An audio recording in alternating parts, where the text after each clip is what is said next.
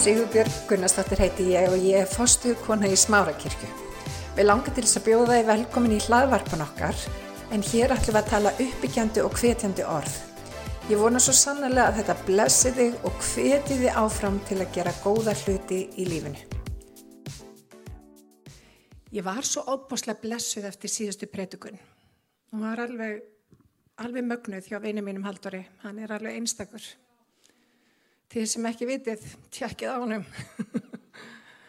og þetta orð so-so snerti mig af að djúft og mér langar aðeins að halda áfram. Ég fór bara að hugsa og pæla og, og þið vitið hvernig gerist. Sáðu hvernig fyrir inn og allt í hennu ferða að bera alls konar ávöxt í lífið manns, ekki satt. Guðinabla alveg með þetta, alveg á hreinu. Og hluta þessu sem að Haldur sagði sem að mér fannst svo opbáslega mikilvægt og margir gleima það er þetta til hvers kom Jésu í hennan heim? Og við vitum það hann kom í heiminn til þess að deyja fyrir syndir mannana hann kom til þess að, að bera syndina í eitt skipti fyrir öll upp og kross. Hann varð hann varð bara syndin upp málu þegar hann, þegar hann dó. Og hann dó fyrir mínar syndir og þínar syndir. En hann dó líka fyrir sjúkdóm okkar. Og eins og Haldur talaði um að, að þá er það eitthvað sem kannski hefur svolítið glemst í kristinni kirkju, hvernig Jésu fór út og ekki bara Jésu síðan lærisvinnarnir eftir honum þeir fóru út og, og fóru að byggja fyrir fólki og sáu stórkoslega kraftaverk. En þriði og ég vil fjóruða elementi sem ég líti tala um líka, það er hann kom líka. Og það er þetta sósó og það er ekki bara eitthvað eitt, það er allt. Það er líka með sál og andi. Hann kom til þess að frelsa andaðinn hann kom til þess að gera þið heilan líkamlega. En hann kom líka til þess að setja saman sálinn okkar. Setja saman brotin hjörtu og, og, og mér finnst í rauninni það er leitt ef kristin kirkja missir af öllum þessum boðskap út af því að allur þessi boðskapur skiptir máli. Af það er bara rosalega margir sem að gangum heimin í dag með brotið hjarta. Og ég held að sé bara hreinlega vandamál uh, í heiminum í dag að allavega hvernig það var. Það er kannski aðeins að opnast fyrir það að fólk kannski uh, játi hlutina. Og það hluta því að fá lækningu að bara játa þetta staðan er svona. Veri sannleika. Sannleikurum mun gera okkur frjáls. Og ég trúi því að kirkjan þarf að standa sér miklu miklu betur í því að koma með þennan sannleika. Hann frelsar okkur til andasálar og líkama Það er ekkert í okkar lífi, hvort sem að það eru særindi gerðdagsins eða, eða eitthvað sem gerist í æskokkar eða, eða sjúkdómar eða hvaða kann að heita sem að hann vill ekki koma inn í og laga. Og ég var að mynda að hugsa um það þegar Haldur var að tala síðast. Það myndi mig á þegar Jésu kom fyrst fram þegar hann opnaði bók rolluna eða, eða hvað þetta kalla í reikningunum. Ég segja spámanni um það, um hann sjálfan. Spátumur um hann sjálfan. Og það stendur svo í Lúkasi fjögur átján. Andi drottin sér yfir mig yfir mér. Af því hann hefur smurt mig. Hann hefur sendt mig til að flytja fátökum gleðilegan boðskap. Bóða bandingum lausn og blindum sín láta þjáða lausa og einni kungjur að náðar á drottins. Og vitu hvernig náðar á drottins er þeir sem voru í skuld á náðaráðurnu fengu uppgefnar skuldir. Og ég veit ekki með ykkur en oft ef við förum í gegnum lífið að þá einhvern veginn endur við í eitthvað svona skuld. Og þar kemur drottin inn og hann gefur okkur lausn og líf. En þarna kemur ymmit svo rosalega vel fram þessi tilgangu drottins því hann hefur smurt mitt þess að flytja fátækum gleðilegan bóðskap so so til anda, til sálar, til líkama þetta er raunin stefnur að hans finnst mér að ykkur er leiti hann er raunin að segja Ég er komin til þess að gera hvað? Allt þetta. Og vinir það er synd ef við tökum bara við honum í einhverju afmörkuðu svæði í okkar lífi því að hann hefur allt að gefa. Og vinir þú hefur engu að tapa. Og það er það sem er svo dásamlega, þetta er frábært ill. Þetta bara getur eiginlega ekki verið betra. Þannig að mér langar til þess að fara í Markus 5.21 og það stendur svo að þegar Jésu kom aftur yfir um á bátnum sapnaðist á hann mikill mannfjöldi þar sem hann var við vatnið. Þar kom og einn samkundustjórum Jarius að nafni og hann sá Jésu fjallandi fótu honum og bað hann ákaft og sagði Dótti mín litla er að dauða komin. Kom og legg hendur yfir hann og hún læknist og lifi. Og Jésu fór með honum og mikill mannfjöldi fylgdi honum og var þröngum hann. Svo aðtilsvert í þessum orðum að þá er tala sérstaklega um Jarius og hann er greinlega mikil smetin maður. En á stundum sem þessum, þegar barnum hans likur fyrir döðanum, þá er ekkert slikt sem í rauninni skiptir máli. Ég hef líka staðið í þessum kringustæðum þar sem að dóttur mín og dóttur okkar alla var bara næstu því að deyja. Ég var í fitnessstöðu og flottu fyrirtæki en ég hefði gefið allan heimsins auð til þess að sjá hann að lækna það. Og á þessum tímum þegar við göngum í gegnum svona erfileika þá skipta stöður og titlar ekki neitt. Skipta engum máli. Við erum öll jöfn. Og ég man í vikunni, ég var að tala við konu sem hefur áhuga á kirkjun okkar. Og hún var að segja hann, Sippa, er þetta fyrir mig? Vist, er þetta ekki bara fyrir fólk sem er bara gangið gegnum áföll og erfileika og, og hérna, og mér fannst þetta eða svolítið fyndin spurning. Og þetta ég bara þekki enga lífsins sálu sem hefur ekki gengið í gegnum áföll. Það er bara svolítið þannig. Og Jésu veit af því. Þess að kom hann til Hára, hann kom til Lára og allra þeirra á milli. Vitið það, það þurfa allir á Jésu að halda. Og finnir, ef þú ert ekki komin á þann stað að þú þurfir á honum að halda, þá ætlum ég að færa þið fregnir. Þú mynd komast á þann stað að þú þurfir á Jésu að halda. Og Jésu er hér fyrir þig. Hann kom til þess að lækna þig til andas, sálar og líkama. Hann mætti öllum hvar sem þeir voru og hann gerði bara gott. Hann gerði bara gott. Og 2000 ánum setna þarf við enn að tala um hann. Því líku maður, því líku guð sem við eigum. Því líku kærleikur. Má ég heyra.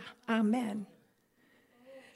En mér hann svo aðteglisvert þegar hún sagði mér þetta og, og spurða þessu og ég, ég, ég svara henni þessu og þá hugsa hann um sig. Hugsa hann sig um og sagði já, veistu þetta er alveg rétt. Það þurfaði þetta allir á einhver aðra að halda. Hún orðaði þannig. Að sjálfsögðu. Það skiptir engum máli stjætt eða staða við göngum öll í gegnum kringum staður. Við þurfum öll á Jésu að halda. Við höfum öll með einhverjum hætti brotið af okkur, sagt eða gert eitthvað rangt. Við þurfum öll á lækningu og lífi drottins að halda. Og það er svo mikilvægt að vera á þeim stað að við auðmyggjum okkur fyrir því. Og í dag, ég fór um þetta að hugsa það í því samingi einmitt með Darius, hvernig stjættans og staða í rauninni skipti ekki máli. Jarius heitir hann. Það sama er í dag. Hugsa ykkur. Fyrir árið síðan hefðu við ekki getað séð fyrir það sem að gerist með COVID. En svo kemur COVID og allt í hennu breytist staða fólks. Allt í hennu var fólk sem var bara í rosalega flottri stöðu á stað þar sem að það upplifir eins og hver geti leitað. Og vinir, ef að þú ert á þeim stað, þá er Jésús svarið. Hvor sem að þú ert að glýma við afleðinga COVID fjárhanslega eða heilsusamlega, þá er Jésús svarið fyrir þig. Það er málið. Þannig að við erum öll á sama stað. Við erum öll á sama stað. Í versi 25 og þar ætla ég aðeins að festa rætur hérna í dag. Þar var kona sem hafi haft blóðlát í 12 ár. Hún hafi verið margt að þóla af mörgum læknum og kostað alugu sinni en engan bata fengið. Öllu heldur versnað. að því að blóðlátið er ekki sínilegt. Hversu margir í dag eru með blóðláti í sínu lífi sem er ekki sínilegt? Harm eða, eða þjáningu sem að fólk ber hefði innra sem enginn sér og hugsa ykkur hvað það er einmannalegt.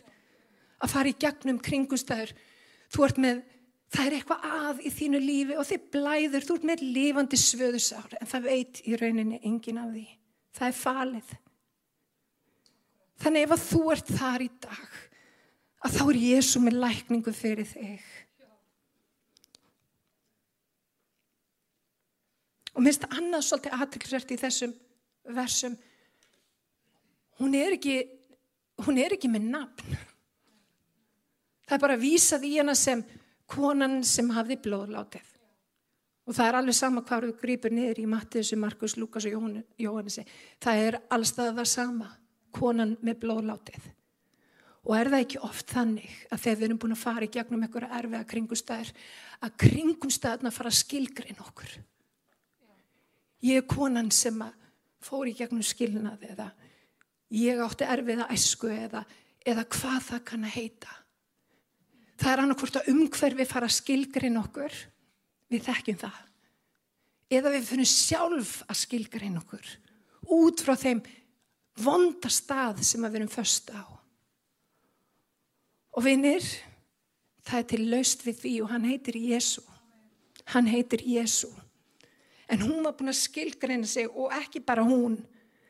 Allir í kringum hann að konan með blóðlátið skilgreind út frá veikindum sínum. Hún hafði kostað til aðlegunni stendur líka að reyna að finna lækningu. Aðlegu senni. Og hversu oft er það ymmit líka þannig að þegar við erum að leita hjálpar, við leitum oft langt yfir skamt.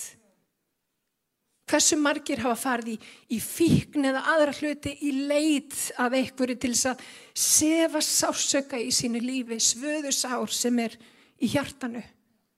Og þú kannski eigðir allri eiguðinni og það þarf engin að segja mér annað að þegar hún heyrðum um Jésu hún hefur örgla haft ákveðna fordóma til að byrja með. Hver lágur henni? Tólf ár með sama sjúkdóm. En vinnir, þegar sjúkdóminn er búin að skilgreina okkur, þegar við erum búin að eigða öllum eigum okkar, þá er Jésús svarið. Jésús er alltaf svarið. Og hvað gerist næst? Hún heyrðum Jésu og kom nú í mannþröngina baki honum og snart fald klæða hans. Var það ekki svo? Haldur. Klæðafaldurinn. Með minni það. Hún hugsaði ef ég fæði snert klæði hans mun ég heil verða. Og hvað gerðist? Jafnskjótt þvar blóðlátt hennar, hún fann það á sér að hún var orðin heil af meini sínu. Þetta er líka ótrúlega magna þessi röð atvika. Hún heyrða af Jésu. Hún gerði meir en að heyra Jésu. Hún fór í áttina til Jésu. Það er ekki nóvinir að vera heyrendur orðsins. Og það eru svo margir sem er svona, fá eitthvað sem að kýtlar eirun, en vinni það er ekki nóg. Við eigum ekki bara að vera heyrendur, við eigum að vera gjörendur. Og við búum á upplýsingöld. Það vita allir hvernig á að stunda heilbreðan lífstíl, borða rétt. Við veitum, við erum öll orðni sérfræðingar í COVID og öllu. Ég veit ekki hvað og hvað og hvað. En það er eitt að vita og það er annað að framkvama. En ávinningurinn kemur að því að framkvama ekki sagt. Hún hefði ekki fengið bót meina sinna nema út af því hún heyrði og hvað gerði hún? Hún fór í átt að Jésu. Og hún gerði meirinn að fara í áttilans. Hún auðmygti sig fyrir honum. Þetta er tákgrænt. Það er eitthvað sem gerist þegar við erum tilbúin að auðmyggja okkur. Og við erum tilbúin að segja við dróttin Jésús, hér er ég í auðmygt. Ég hef ekki lausnina en ég veit að þú hefur hana. Amen. Og vinnir, ef þið hafi ekki prófað auðmygt, Íslendingar er nefnilega ekkert sérstaklega góður í auðmygt skulum bara segja það alveg eins og er það er eitthvað við auðmygt sem að leysir krafta í lífi fólks Hefur ekki prófað það, þá legg ég það til. Þetta er alveg ótrúlegu leindadómir. En það sem hún gerir, hún heyrir, hún gerir og hún snertir. Nákvæmlega. Ég ætla að segja þetta aftur. Hún heyrir, hún gerir, hún lappar til hans, hún snertir. Byrjar allt á hugsun. Og mér langar þess að spyrja þið í dag, hvað ert þú núna í þinni hugsun? Út af Jésu stendur við dittnar og bankar á. Heyriru, opnaru og hleypur honum inn. Út af það er ekki nóg að heyra. Það er æðislegt að heyra, ekki miskili mig. En ef þú vilt algjöra, algjör gegnum bara til þínu lífi, prófaðu að opna dyrnar og hleypa honum inn. Hann stendur við dyrnar hann bankar á og hann er hér fyrir þig. Amen. En þetta byrjar á hugsun. Uh, mér langar líka til að fara í vers 30, ég ætla aðeins að halda áfram með þetta og það stendur svo, Jésu fann þegar á sjálfu sér að kraftur hafi farið út frá honum. Hann snýri sér við í mannþrönginni, hver snart klæði mín? Lærisennur hans og hugsa ykkur, hann er á leiðinni, það er stelpa degja á sama tíma, skiljið, þú veist, hann er í raunin á hraðferð. Uh, Lærisinni sögði hann, þú að mannfjöldin þrengir að þér og þú spyr hver snart mig? Það er allir að snerta það, Jésús, voru raun að segja það. Jésús litaðist um til að sjá hver þetta hafi verið og konan sem vissið Hvað fram við sig hafi farið kom hrætt og skjálfandi fjallti fótu honum og sagði honum allan salegan. Jésús sagði við hana, Dóttir, trú þín hefur bjargað þér. Far þú í friði over heil meina þina. Og mér langar sérstaklega að benda á. Allstaðar í Markus, Markus, Mattus, Mattus, Markus, Lukas og Jóhannesi Það er talað um hann sem konu sem hafi blóðlátt. En þegar Jésús snýr sér við og spyr hver er konan sem, hver er manneskjan sem að snart mig og hún stýgur fram, hvað segir hann við hana? Hann segir dóttir. Hann er ekki bara búin að lækna hana líkamlega, hann er að lækna sálinn hennar. Það sem hann er að gera er að segja, þú er kannski búin að skilka henni út frá veikindum en þú er dóttir mín. Veistu hver þú ert? Þú ert dóttir mín. Og það er það sem að Jésu gerir. Hann leiðir eftir ekki bara, hann tekur ekki bara syndabyrðarnar af okkur gott fólk. Hann læknar okkur ekki bara líkamlega, hann vil líka gefa þér þitt DNA, hann vil minna þig á hver þú ert. Og ef þú ert mann að gleima því þá ertu sonur og þú ert dóttir. Og það er eitthvað sem þarf að heyra þetta út af því að við erum búin að skilgreina okkur kannski út frá eitthvað sem við höfum gengið í gegnum. En Jésu gerir það ekki. Jésu veit nákvæmlega hver þú ert og það sem hann þráir er að þú vitir það líka. Að við göngum fram með höfuðu upp. Taklandi hvaða kringust það sem er út af því að við erum svo klár? Nei, út af því að hann er meiri sem í okkur er heldur en sá sem er í heiminum. Hann er miklu starri en allar þína kringustæður. Og ef að þú ert hér og þú ert að hlusta málmitt og þú er búin að gleima hver þú ert, þá vil ég minna þig á, þú er sonur og þú ert dóttir. Það er alveg sama hvað þú hefur farið í gegnum, Jésús er hér og hann vil finna þig og hann vil gera meira en það, hann vil lækna þig, hann vil leysa þig, hann vil þurka skuldið þína burt, ég er ekki að minna skuldið við bankan, öðruvísu skuldir. Það eru ennþótt í staðar. En hann vil þurka afbrotin burt. Hann vil taka frá þig vanlíðan. Hann vil að þú líti til heimins en horfir ekki á kringustæðið þínar. Hann vil að þú sé siguveri því að þú ert meir en siguveri, kennir rítningin. Þannig í dag, í staðin fyrir að skilgrin okkur sem eitthvað, skilgrinum okkur eins og hann gerða. Ég er dóttir. Hver er þú?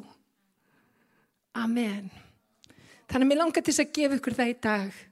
Í Jésu nafni að Guð er meiri en það sem að þú hefur gengið í gegnum. Hann er stærri en það sem að þú hefur upplifað og hann er hér og hann elskar þig og vil mæta þér. Og þetta orð svo svo á við þetta allt saman. Þannig að í drottins nafni, í Jésu nafni, amen, rísum á fætur. Mér langar til að byggja svona rétt í lókum, rétt að lókum fyrir þeim sem að kannski þekk ekki Jésu, skil ekki af hverju ég er svona æst þegar að tala um hann. Það er út af því hann er bara algjörlega allt í þessum heimi. Hann er það besta sem hefur nokkur sinni hend mig. Og mér finnst svo magna að ég fann að vitna miklu meir um hann núna undarfærið en ég hef verið að gera. Bara segja frá minni persónlegu reynslu og, og tala um hvað drottin er frábær. Og þetta er, þetta er mín dýrmættasta perla. Þetta er mesta gjöf sem að mér var gefið að mínu fórildrum og ég get aldrei full þakka það að fengja að kynna strótni Jésu. En mér langar ekki að vera einn um það. Ég vil að allir þekki Jésu. Og ef að þú ert að hlusta á mig og þú kannast ekki við hann, þekkir hann ekki, átti ekki þetta persónlega samband, þá er bara einn bæn á milli þín og hans. Og það er bara bæn þar sem að þú býður hann inn í hjarta þitt og opnar hjarta þitt fyrir honum. Og mér langar til þess að byggja bæn og ég vil byggja þig sem ert að horfa að byggja upp átt eftir mér. Og þeir sem hér eru líka byggja andilega með mér og bæninu svona kæri Jésu ég byggjum að koma inn í hjarta mitt í dag. Ég byggjum að fyrirgefa mér sér hverja synd. Ég byggjum að fylla mig af heilugum anda. Ég byggjum að ganga með mér hvern einasta dag drottin Jésu ég þakka þér að ég nú þitt barn í Jésu heila nafni. Amen og amen. Amen. Vinnur, ef að þú varst að, amen, ef að þú varst að byggja þessa bæn í fyrsta skiptið, endilega verði í sambandi við okkur og við hjálpum að stíga fyrstu skrefin í tróni. Bara drottin bless ykkur og takk fyrir indislega stund í Jésu nafni. Amen og amen.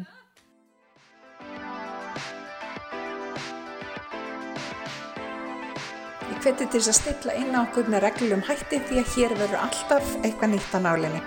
Takk fyrir að hlusta.